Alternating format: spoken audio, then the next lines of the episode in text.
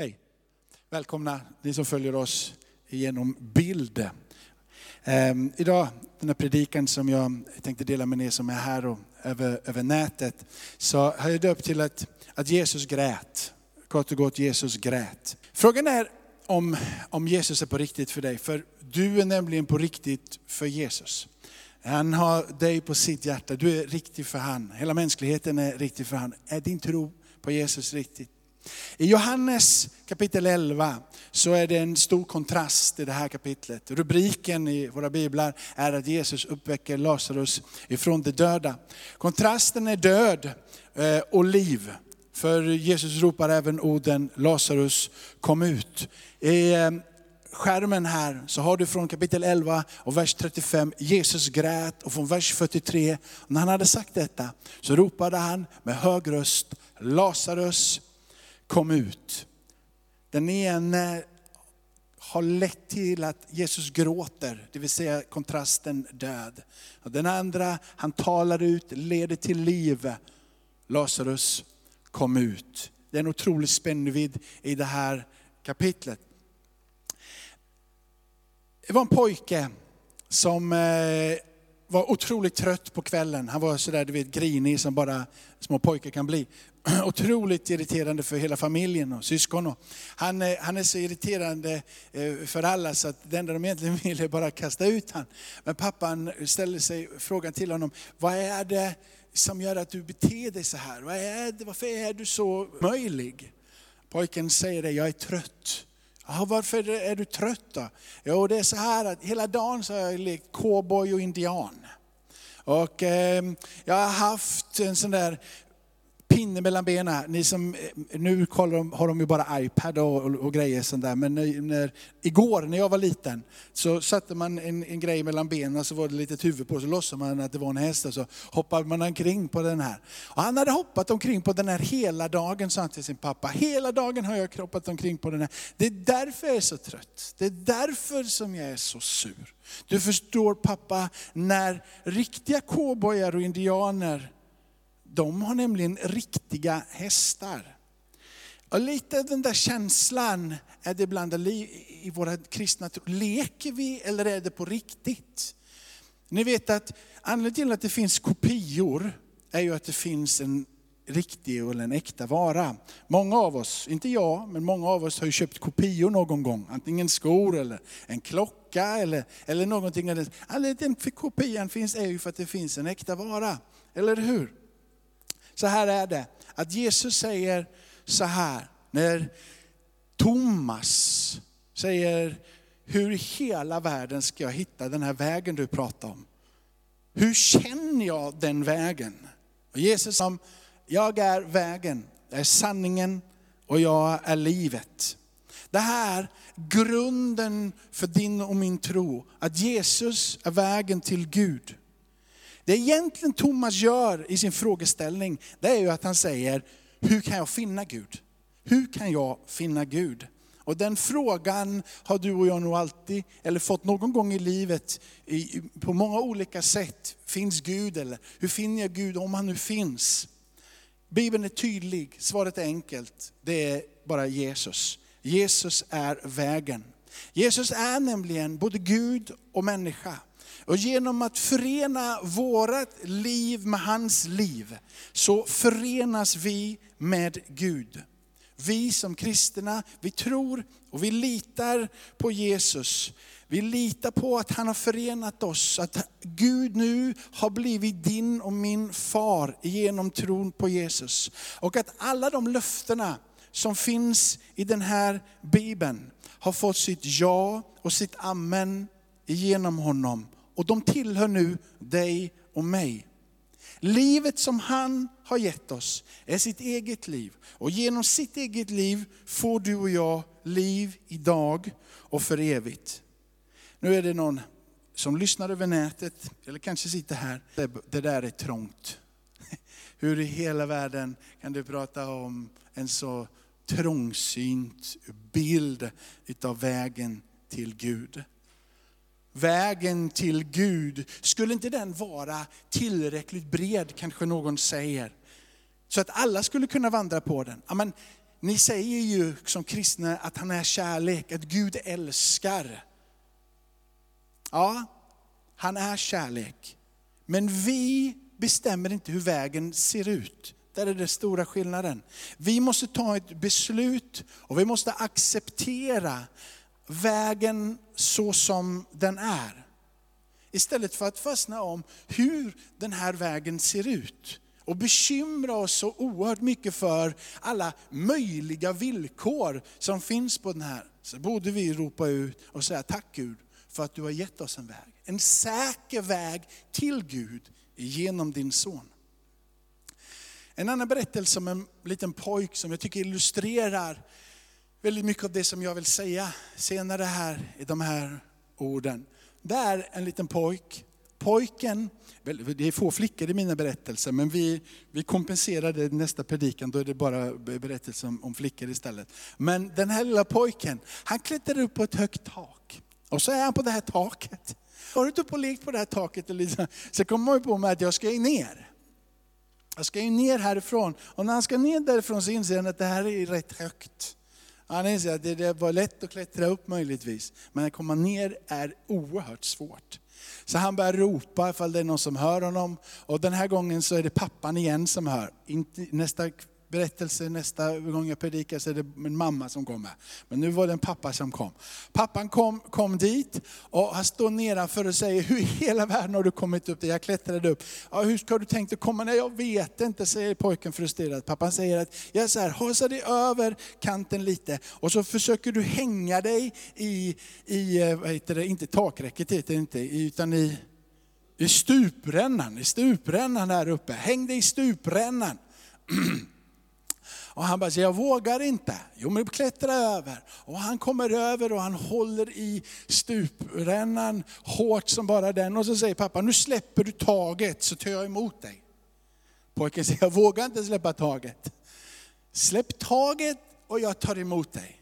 Han säger, jag vågar inte släppa taget. Och pappan säger, det är så här, att antingen håller du krampaktigt tag så länge som du orkar, för förr eller senare så kommer du inte orka, men då kommer jag ta emot dig.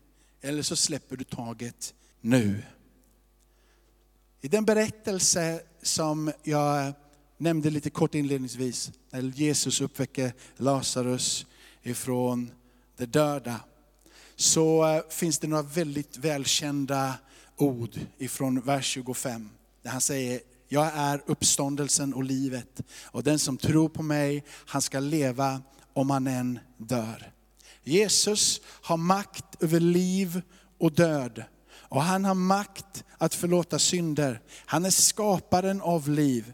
Han som är liv kan väl också då upprätta liv. I den här berättelsen som är där, så börjar det med att Lazarus är sjuk. Och Marta och Maria sände bud till Jesus att Jesus ska komma dit.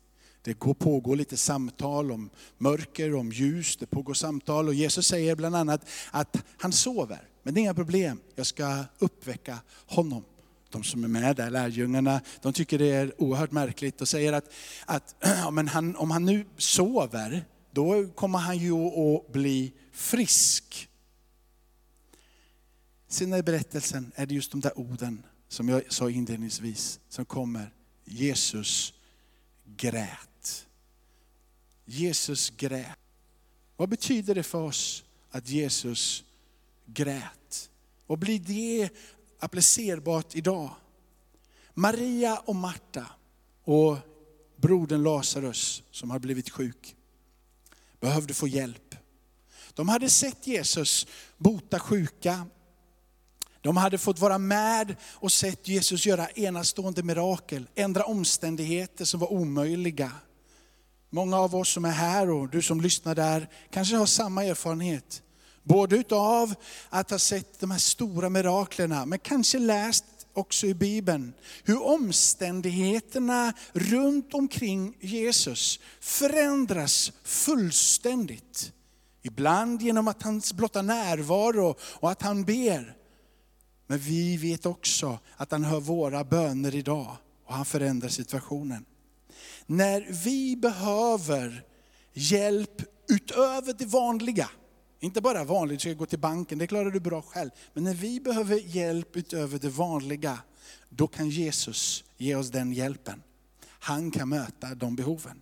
Låt oss inte tveka.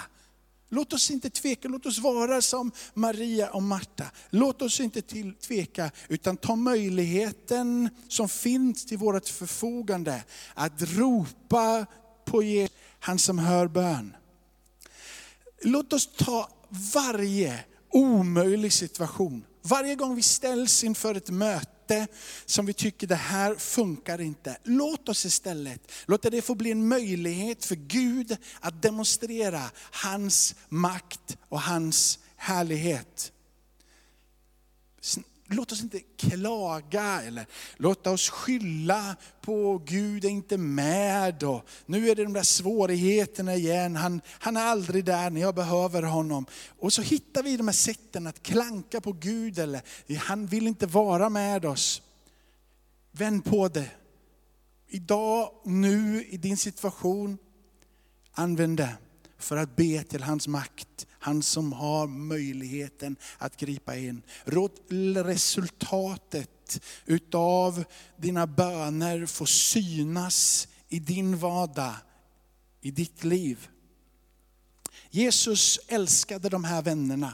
Han hade varit med dem, han kände dem, han hade gästat deras hem. Och nu sörjde de. Men han handlade inte omedelbart.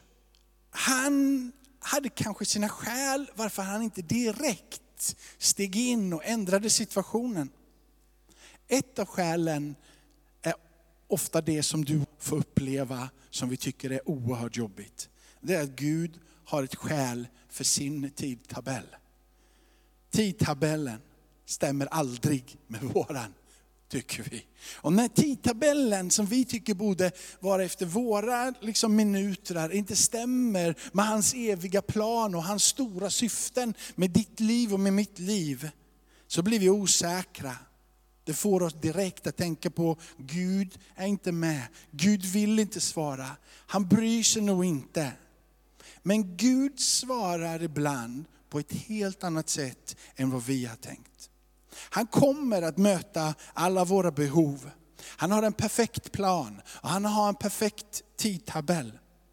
Ha tålamod att våga låta Gud få göra det i sin tid, för sin plans syfte. Gud hör bön och Gud svarar på bön.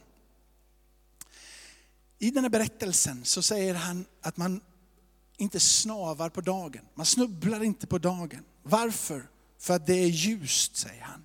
Och det här är en bild över att kunna urskilja och förstå Guds vilja. Natten är frånvaro utav den kunskapen. Om vi försöker oss ta oss fram utan den kunskapens vilja, så går vi i mörker och kommer troligen också att göra oss illa. Jesus vill att vi ska förstå att han har uppenbarat för oss genom sonen sin vilja för våra liv. Om Jesus hade kommit i tid till Lazarus så är det väl troligt att han hade botat honom och inte hade behövt låta honom dö. Men nu var han död. Jesus visar nu, både för lärjungarna och andra, alla andra, att han har makten över döden.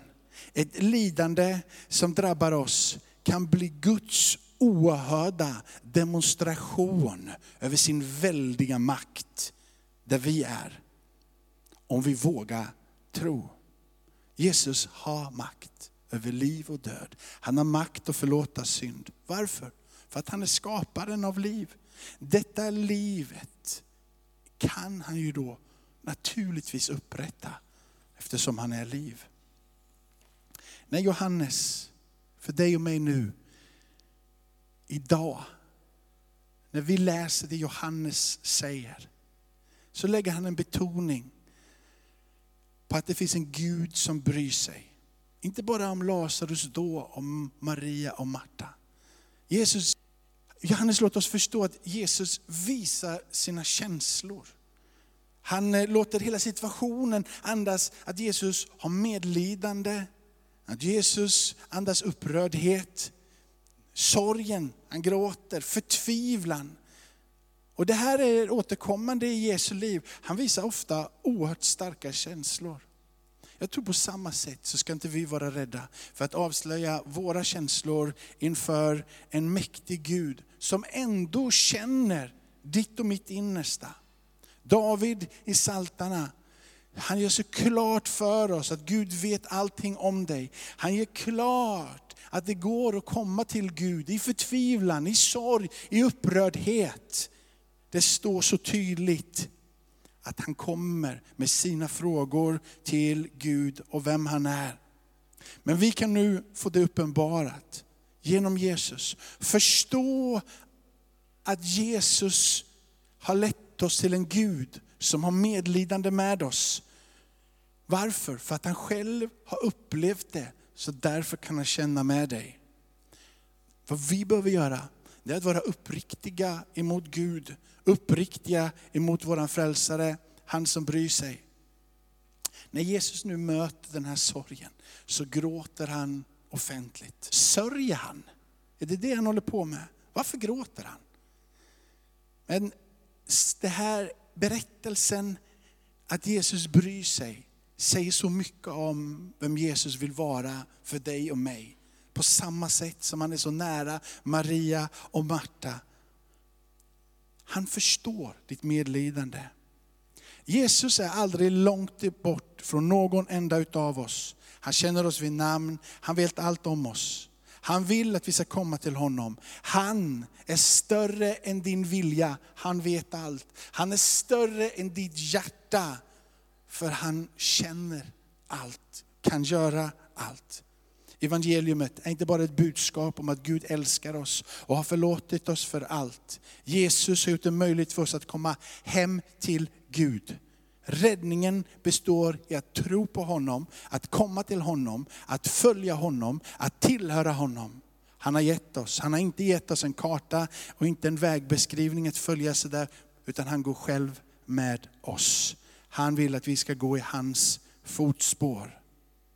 Det finns ingen auktoritet i världen som kan ställa sig upp emot Jesus. Han är skaparen av liv, därför är han också liv. Han vill att du ska förstå att han känner din sorg, att han känner din smärta, att han känner din förtvivlan. Han vill att du ska förtjäna makt över död och liv. Så han vill ropa som han ropade till Lazarus. Kom ut. Han vill ropa det över det som är dött i ditt liv. Han vill ropa det över dina problem. Han vill ropa det över ditt missmod. Han vill ropa det över dina svårigheter. Kom ut, bli fri i Jesu namn. Amen.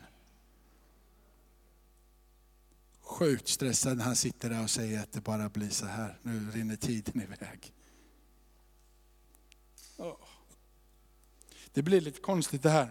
Men det är nog det bästa sättet ändå om vi ska dela någonting. För att annars så blir det att man får stå här och prata och det inte är någon här. Jag hoppas det går fram, trots att det blir lite uppstylt att jag står där bakom vad det är jag, vad det är jag vill säga. Vilket problem du än har, så vågade Maria och Marta komma till Jesus med sitt problem. Vilket problem du än har, så vill han att du ska komma. Han har medlidande med dig så att han gråter med dig. Och det enda han längtar efter, det är att få ropa över ditt liv. Kom ur din smärta. Kom ur ditt missmod. Kom ur, jag har all makt över liv och död. Jag har makt att förlåta synd. Kom ut. Tänk vad vi kunde få höra de orden när vi ber för varandra nu. Bara kom ut. Det finns makt, jag vill leda dig vidare. Jag vill ta dig bort från dem som hindrar, begränsar och som låser dig. Som gör att du inte är fri att följa. Han vill att du ska ropa. Han vill att du ska följa. Han vill att du ska tillhöra honom. Han vill hålla dig i sin mäktiga hand. Och han vill leda dig vidare på den vägen som han har inbjudit oss att följa. Amen.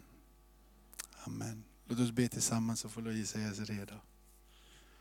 Tackar dig Fader i himmelen, Herre, att, att vi får ta, Herre, det här på riktigt. Va? Att du känner med oss på riktigt. Att du inte är en vålnad långt borta. Utan att du är idag uppstånden fysiskt, sitter på Faderns högra sida och kan därför känna med oss, förstår oss. Du kan vara ett med oss, för vi är förenade i ett liv tillsammans med dig. Fader i himmelen, det står att du vill låta anden komma. Det står att du Jesus, du döper i helig ande och eld. Och vi vet att när anden kommer så känner vi dig. När anden kommer så hör vi vindslagen. När anden är närvarande så upplever vi och förstår vårt medborgarskap i himmelen. Kom till oss den här stunden så vi kan höra dig säga, kom ut, bli fri i mitt namn. Jag tror att idag så finns det kraft att komma ut och bort ifrån missbruk, begär som bara tränger dig och håller dig på liksom låst i ditt liv. Kanske sitter du hemma och lyssnar på, på, eller på, på någon podd eller där vi lägger ut de här. Jag vill bara säga att det finns en väg ur. Det finns en väg ur missbruket. Det finns en väg ur och bort ifrån det som är Satans förbannelser. Det finns en makt i namnet Jesus att bryta. Kanske är det så mörkt och du bara känner att det är en nedåtgående spiral.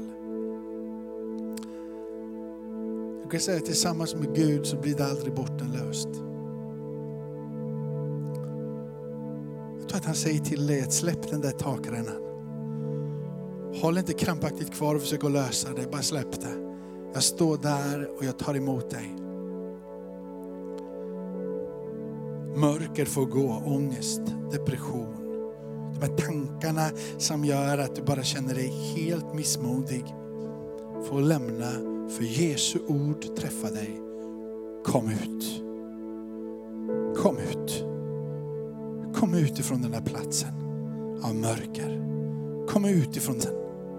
Lämna den där platsen i den här stunden.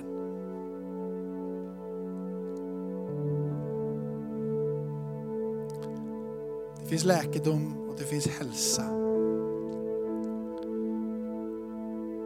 Han förlåter synd och kommer den till honom. Men han har makt över liv och död. Han har makt att ta bort smärta i ditt liv. Han tar makt att ta bort sjukdom. Genom hans sår så är vi helade. Det finns läkedom i hans namn. Ande, för själ och för kropp.